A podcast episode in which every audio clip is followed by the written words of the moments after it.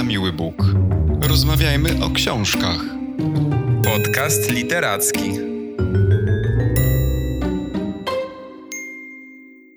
Cześć wszystkim, witajcie w kolejnym odcinku podcastu Na Miły Bóg. Przed nami kolejna książka, o której chcielibyśmy dzisiaj z Maćkiem porozmawiać. Będzie to całkiem głośny tytuł ostatnich tygodni, czyli Przechodząc przez próg zagwiżdże Wiktorii Bieżuńskiej, książka wydana przez wydawnictwo Cyranka. E, I tak muszę się, Maćku, z Tobą już na wstępie podzielić, e, że tego po Cyrance się w zasadzie spodziewałem. E, mam na myśli ten typ literatury, który Cyranka lubi nam serwować i robi to bardzo dobrze.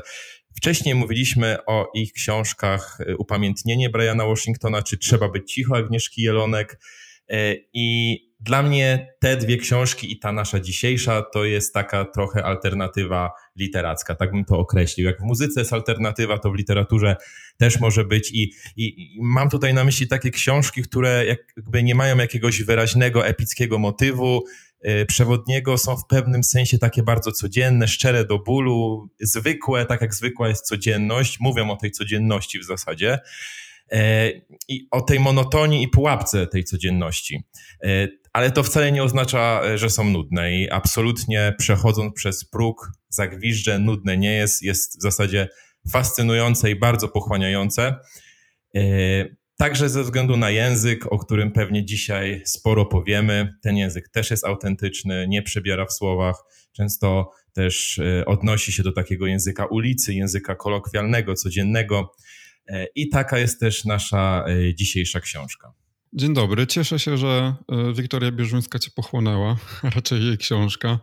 E, ja właściwie sięgnąłem po tę powieść właśnie dlatego, mm, że dużo o niej się mówi. Powiedziałeś, że to jest głośny tytuł ostatnich tygodni. Faktycznie tak jest. Właściwie wszyscy zajmujący się literaturą zwrócili uwagę na ten debiut, e, pisząc o nim sporo i pisząc dobrze. Mm, wychwala się właśnie Bieżuńską jako jeden z najlepszych debiutów roku, mocny, obiecujący głos e, na polskiej scenie literackiej. Ja się zawsze zastanawiam e, przy takich okazjach, na ile taka nobilitacja już na starcie jest dla autora czy autorki faktyczną przysługą, no a na ile taką przeszkodą w pisaniu kolejnej książki, ale zostawmy to i poczekajmy na, na kolejny tytuł. No podsumowując, trudno y, przejść obojętnie wobec książki, o której mówi się tak dobrze. Szczególnie, że właśnie Bieżuńską chwali się za język, to co powiedziałeś i, i dla mnie to jest oczywiście zawsze świetna informacja i dosyć łapczywie sięgam po takie książki tak w kilku zdaniach, żeby przybliżyć naszym słuchaczom kontekst tej powieści, trzeba powiedzieć, że to jest przede wszystkim historia opowiadana przez dziecko, y, czyli Maćku, coś, co ciebie może nie do końca przekonuje i ciekawe jest to, że w tym przypadku jest y, inaczej. Y, opowiadana przez dziecko, przez dziewczynkę konkretnie w wieku mniej więcej 10 lat, bo ta historia oscyluje wokół przystąpienia głównej bohaterki do Komunii Świętej, więc to jest tak wiek mniej więcej 10 lat, prawda? Jest to i bohaterka, i narratorka jednocześnie, którą ja bym określił jako taką narratorkę szukającą własnego ja, własnej tożsamości. I ona snuje tą historię całkiem sprawnie i całkiem pewnie, mimo że wychowuje się generalnie w rodzinie mocno dysfunkcyjnej, y, dla przykładu można tutaj powiedzieć, że ojciec jest alkoholikiem, matka y, natomiast stosuje często kary cielesne, zupełnie nieuzasadnione kary cielesne względem swojej córki, które są jakimś takim wynikiem totalnej niemocy wychowawczej.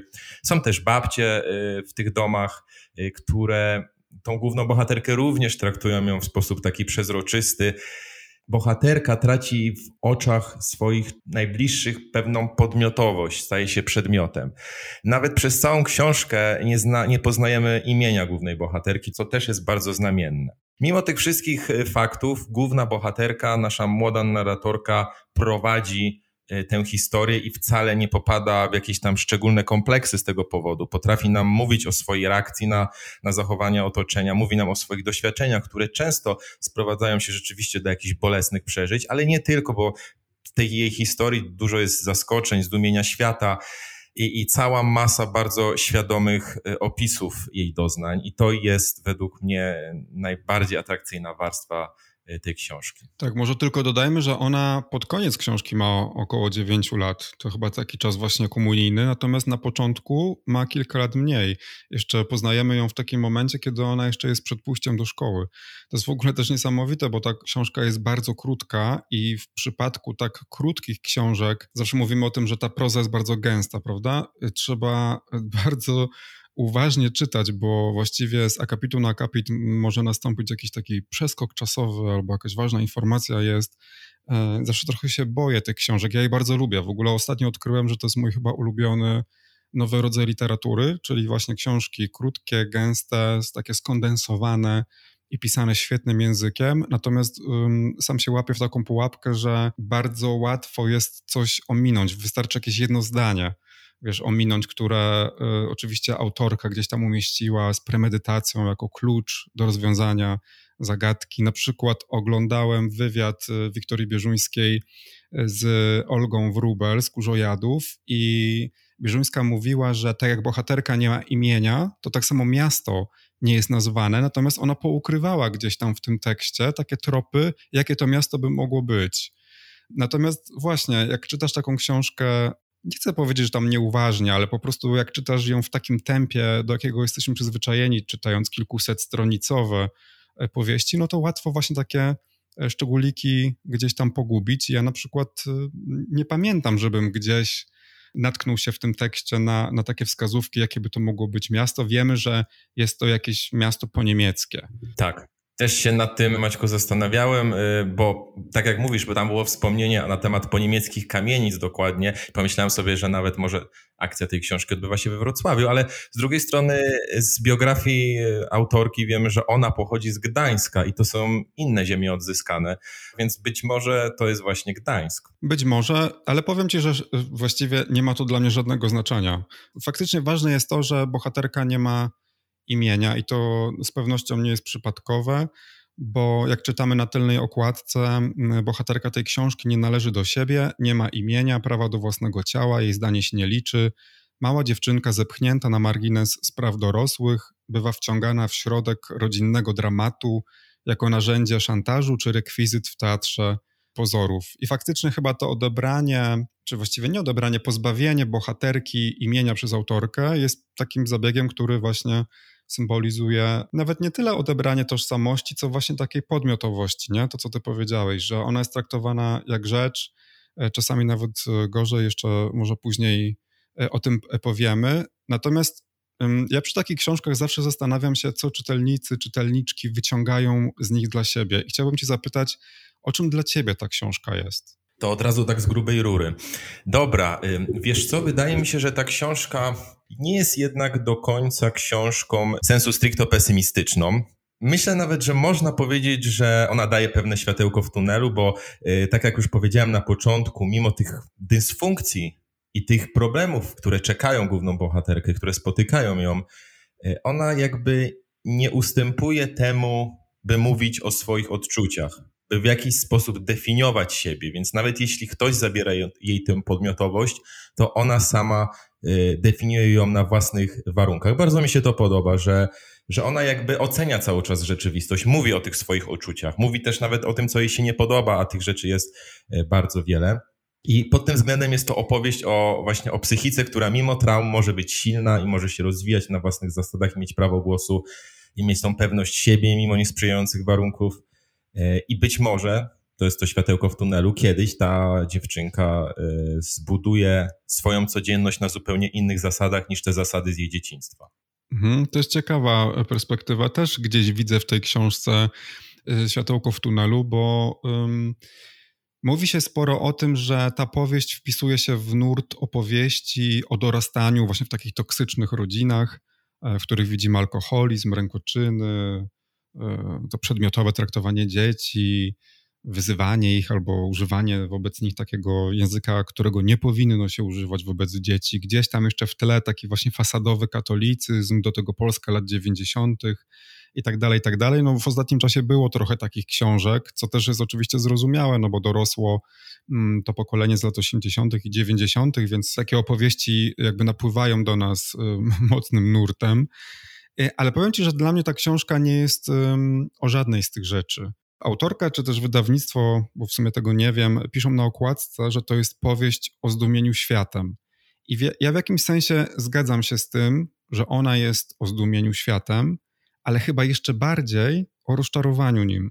Też o czymś, co nazwałbym może próbą nieutonięcia, chociaż nie wiem, czy próbą, bo bohaterka to wszystko widzi, opisuje i nie wiem, jakoś udaje jej się utrzymać na powierzchni, a jest świetną obserwatorką i to właśnie zwróciło moją uwagę, bo możemy w ogóle podziękować autorce, że obdarowała e, tą swoją umiejętnością, bo niewątpliwie to jest umiejętność autorki, e, że obdarowała właśnie nią e, bohaterkę książki, bo bohaterka widzi bardzo dużo i odnoszę wrażenie, że czasami wolałaby nie widzieć.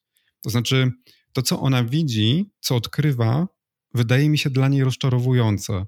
A to jest mm, ciekawe, bo ja tego nie rozumiem, dlaczego tak uważam, bo ona o tym nie mówi, prawda? Przekazuje tylko to, co widzi, jest taką kamerą. Może ja jestem skażony jakimiś innymi lekturami, tylko sobie wyobrażam, że e, musi się czuć cholernie rozczarowana tym, co, co widzi. Strasznie mi się ta książka kojarzy, e, właśnie ta bohaterka z Giovanną e, z książki Ferrante Zakłamane życie dorosłych. Mówiliśmy o tej książce w odcinku 12 100 lat temu. Tam też dorastająca dziewczyna zderzała się właśnie z okrutnym światem dorosłych, i właśnie dla niej to zderzenie kończyło się rozczarowaniem, mimo że stąd mi się to wzięło. Ogólnie muszę przyznać, że ta powieść poruszyła we mnie kilka takich literackich strun e, i przypomniały mi się inne omawiane przez nas książki. Oczywiście Niepokój przychodził z Zmierzchu, e, Marieke Lukasa Reinefeld, ale też na przykład Trucizny Piotra Dardzińskiego. E, to jest też taka podobna rodzina, trochę mi się wydaje. Natomiast wielką, wielką zasługą Bieżuńskiej jest to, że ona to zrobiła jeszcze inaczej i operuje takim językiem, który mnie w ogóle powalił na kolana. Powiedziałeś wcześniej, że narratorka, nasza bohaterka jest bardzo świadoma, jeśli chodzi o obserwacje, i te obserwacje przekazuje w bardzo dokładny sposób. I tak sobie myślę, że te obserwacje są opisane w taki zmysłowy sposób jako czytelnicy możemy to i widzieć oczami wyobraźni, ale też czuć, słyszeć, bo mnóstwo jest tam detali przekazanych z niezwykłą wrażliwością i też taką świadomością, która jest właśnie nie do końca charakterystyczna dla dzieci. Ja może przeczytam jeden fragment, który pamiętam, że zrobił na mnie wrażenie. On y, opisuje to, jak dziecko odbiera kwestie trzymania kogoś za rękę. Wiadomo, dzieci są często prowadzane gdzieś za rękę dorosłych. To jest y, ten fragment. Ręka ojca jest luźna, prawie wiotka, inna niż ręka matki, sztywno okalająca, jakbym swoją dłoń trzymała w pudełku. Inna niż ręka babci, pulsująca miękko, taka, która co chwilę musi się upewnić, że trzyma i jest trzymana. I widzę w tym fragmencie taką, takie przerzucenie pewnej świadomości, pewnej głębokiej analizy charakterystycznej dla osoby dorosłej i właśnie wrzucenie ją w głowę dziecka, wypowiedzenie e, tej kwestii przez dziecko. To jest bardzo, bardzo ciekawy zabieg literacki, ale uważasz, że to jest do końca w porządku, jeśli chodzi o autentyczność, o, o, o taki właśnie sposób tworzenia i kreowania rzeczywistości przez autorkę, względem czytelników?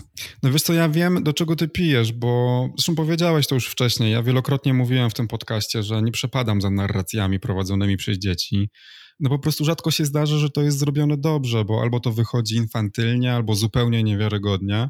Natomiast w przypadku tej powieści mogę tylko powiedzieć to, co ty, że przeciętna dziewięciolatka nie widzi i nie mówi tego, co widzi i mówi bohaterka tej książki, prawda? Przede wszystkim ona nie mówi tego w taki sposób, ani takimi słowami. I w tym przypadku, w przypadku tej powieści, to jest tak odklejone od rzeczywistości, od realizmu, że od razu wiadomo, że autorka mruga do nas okiem. To znaczy, dla mnie to jest oczywiste od pierwszych akapitów, że to jest zabieg literacki. E, to jest pewna umowa. To jest tak jak w książce Ayana Makiwana w Skorupce Orzecha, w której narratorem jest płód że komuś przeszkadza to, że, że płody nie mówią i nie myślą i w związku z tym no, nie mogłyby opowiadać, nie mogłyby snuć opowieści, nie mogłyby słuchać i komentować wiadomości radiowych, a to się dzieje w tej książce, nie mogłyby rozpoznawać, nie wiem co tam jeszcze było, roczników wina, które popija sobie e, przyszła matka. No nikomu to nie przeszkadza, bo książka Makiłana nie jest reportażem, tak samo jak e, książka Bieżuńskiej nim nie jest. I w literaturze pięknej, no można robić, co się komu podoba albo po prostu można się na coś umówić. I tutaj zajęło mi parę lat zrozumienia albo dojście do tego momentu, że mogę tak mówić o literaturze. Um, historia jest pokazana z punktu widzenia dziecka, natomiast powiedzmy, to dziecko jest skażone w jakiś sposób umysłem już dorosłym. I podoba mi się to. Rozmawialiśmy o tym, jak ta bohaterka przedstawia świat, i zdecydowanie bardzo mi się to podoba. Ona robi to fantastycznie, i te obserwacje są z gatunku panoptykalnych. Nie wiem, czy miałeś takie mhm. skojarzenie. Mnie zachwycił stopień szczegółowości. Trochę teraz żartem powiem, ale trochę, ale trochę właściwie nie, że to są takie obserwacje na poziomie jęty właśnie, która widzi te soki drzew, o których już chyba mówiliśmy z pięć razy w tym naszym podcaście. E, ale weźmy na przykład taką scenę. Bohaterka idzie do sąsiadki, zanosi jej suchy chleb w foliowej reklamówce i sąsiadka wyjmuje chleb, przepłukuje reklamówkę i rozwiesza ją nad zlewem, żeby wyschła. I nagle bohaterka mówi coś takiego. Czas upływa tym powolnym schnięciem, bezszelestnym i niedostrzegalnym jak wyrastanie roślin z ziemi. W tym momencie y, odłożyłem książkę, żeby się pozachwycać tym zdaniem. Znaczy, to jest wspaniałe po prostu porównanie wolno upływającego czasu do schnięcia mokrej foliówki, do wyrastania roślin z ziemi zrobiło na mnie kilkukrotnie w tej książce duże wrażenie to, jak Bieżuńska pięknie potrafi pisać o czasie. Na przykład wtedy, gdy, gdy porównuje wejście matki do domu do nagłego szerpnięcia czasu, podobnego do tego, gdy zostaje się przyłapanym na gorącym uczynku. Albo na przykład, gdy bohaterka mówi, że gdyby mogła, to grałaby na pianinie tylko pełne nuty. To znaczy te, które są właśnie długie, wybrzmiewają do końca, bo chciałaby pozwolić dźwiękom trwać. Także wiesz, jak ktoś tak pięknie pisze, to naprawdę przestaje mnie obchodzić, y, kto opowiada historię, czy to jest wiarygodne, czy nie, czy to jest dziecko, czy osoba dorosła. Po prostu oddaję się temu tekstowi, językowi, bo bardzo mnie to fascynowało. Jasne i, i, i zgadzam się z tobą w stu procentach, że ta umowność, która w powieściach... Yy w literaturze pięknej występuje, stwarza też bardzo ciekawe nowe obszary do, do interpretacji, do postrzegania świata i, i patrzenia z innych perspektyw. To, no, te, te wymiany jakby perspektyw w tej książce, dogłębna analiza dorosłego w ciele dziecka, to jest bardzo interesujące i mnie to totalnie też kupiło i, i działało na moje zmysły, też ze względu na tą szczegółowość pochłania czytelnika i jakby y, wszystkimi zmysłami tę książkę odbieramy. Również ten język y, głównej bohaterki, on się często odnosi do ludzkiej cielesności. Nie wiem, czy, mhm. czy to zauważyłeś. Na pewno y, w zasadzie na każdym kroku, czy to przy opisach wydzielin z ciała ojca, który wraca pijany, y, czy przy opisie dotyku dłoni, który cytowałem wcześniej, tam ciągle jest ten naturalizm i to jest też y, niezwykła umiejętność y, autorki pisania o tym w ten sposób. Y, I ta cielesność też ma inny wymiar, bo ona się też w wielu motywach i w wielu momentach odnosi do seksualności dziecięcej. Tam jest bardzo interesujący motyw masturbacji, którą dziecko dopiero co poznaje. Mhm. Zrobiła to w sposób bardzo taki szczery, niemetaforyczny i ujmujący. I nazwała to jeszcze w bardzo charakterystycznie, bo główna bohaterka, nie, nie zdając sobie sprawy do końca, co dzieje się z jej organizmem, nazywa to robieniem uczucia. Autorka potrafi o tym pisać, ale też tłumaczyć czytelnikowi, po co ta masturbacja tej małej dziewczynce jest potrzebna, bo ta bohaterka ucieka po prostu y, w nią zawsze, kiedy te rodzinne patologie ją przytłaczają, kiedy wzbudzają w niej napięcie i to jest dla niej pewnego rodzaju taka jedyna chwila czystej przyjemności i odetchnienia. Tak, ale to też jest taki moment, wiesz, kiedy po prostu rodzi się świadomość twojego ciała i rodzi się świadomość tego, że to ciało może ci dać przyjemność. I oczywiście ta bohaterka jest mała, nie wie jeszcze jak działa jej ciało, nie wie tego, co z tym ciałem niedługo się stanie przecież ale potrafi już czuć pewne rzeczy i też ma koleżanki, nie? które dzielą się swoimi doświadczeniami. I teraz, jak sobie przypomnisz, jak ty miałeś 10 lat, w jaki sposób mówiliśmy na przykład o naszych ciałach, zauważaliśmy, że coś się działo, prawda? Ale dzisiaj pewnie już nie pamiętamy, jakich słów używaliśmy, bo mam takie wrażenie, że podświadomie gdzieś to wyparliśmy, bo to najczęściej są takie właśnie wstydliwe określenia. E, ja myślę, że w ogóle bardzo trudno mówi się też o tym, bo mam, mamy do czynienia z dzieckiem i, to, jest, to jest bardzo, bardzo trudne literacko do uchwycenia, e, ale Bieżuńskie się to e, absolutnie udało. W jakimś sensie ona stworzyła język do mówienia o tych sprawach. To też często się podkreśla w wielu, wielu właśnie recenzjach tej książki a propos języka, bo on jest w ogóle fenomenalny na kilku płaszczyznach, oprócz tego, co właśnie powiedzieliśmy teraz, oprócz tego, co mm, mówiłem przed chwilą o niebanalnych e, porównaniach, metaforach, tych pięknych zdaniach, e, bo to jest wszystko literacko, świetne warsztatowo. Nie wiem, czy to zwróciłeś uwagę na dialogi.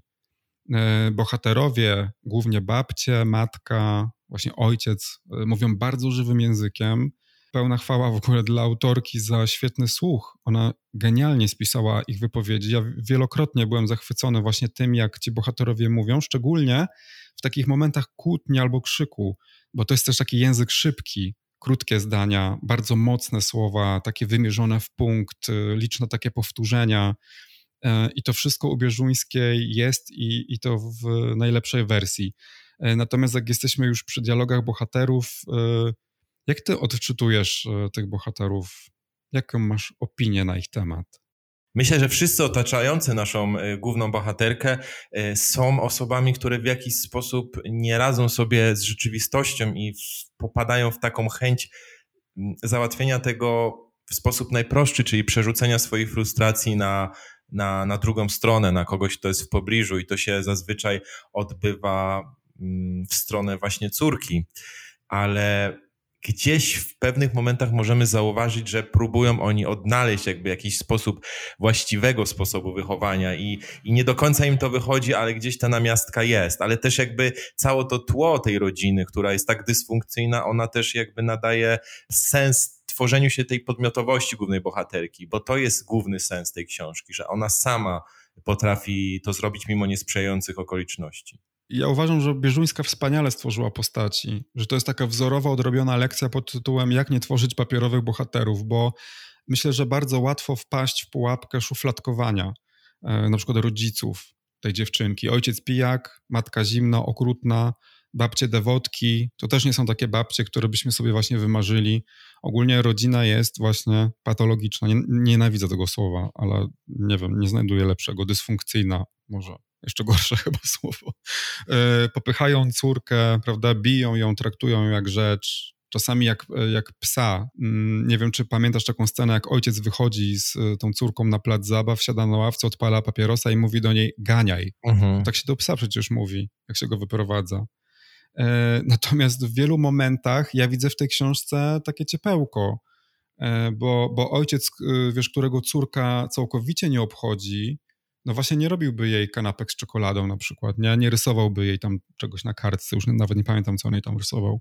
Nie robiłby córce mm, niespodzianki kupując obiad i wyjmując z reklamówki e, do picia butelkę Pepsi. Czy na przykład okrutna mm, do szpiku kości matka jest taka scena, w której ona krzyczy na córkę, a potem właśnie córka ma łzy w oczach i, i matce nagle mięknie serce, tak mi się wydaje, bo ściszonym głosem mówi, żeby już nie płakała, żeby przyszła i dała jej buziaka. W takiej typowo patologicznej rodzinie, którą ma się w głowie, opowiadając o tego typu historiach, chyba nie ma takich scen. Jest też taka na przykład y, całkiem zabawna mi się wydała ta scena w kościele, kiedy ojciec robi córce y, zdjęcia właśnie i, i w, w, po komunii, tam w trakcie komunii matka się irytuje, bo ona już chce już wyjść, ale ojciec chce, aby córka miała też zdjęcie ze środka. No i teraz, czy tak zachowuje się jednoznacznie patologiczny ojciec, nie? Czy, czy na przykład, czy patologiczna rodzina posyłałaby córkę na lekcję e, pianina? Może to nie jest taka miłość, e, jaką otrzymałeś ty czy ja, ale to też mm, nie jest, nie wiem, no, znęcanie się nad dzieckiem.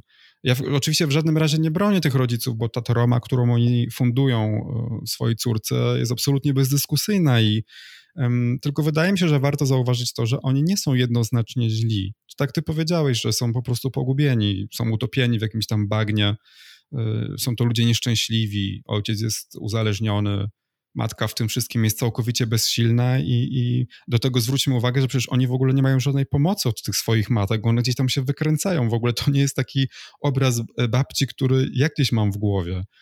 Pamiętam z własnego doświadczenia, czy doświadczeń moich e, znajomych, że różnie się działo w tych latach 80., czy tam 90., ale jak trzeba było, to te babcie, czyli właśnie matki naszych rodziców, wstawały gdzieś na wysokości zadania i wyręczały tych rodziców, którzy nie potrafili sobie E, poradzić e, w tych trudnych też latach 90., które wiążą się z całą tą transformacją i tym wszystkim takim nowym.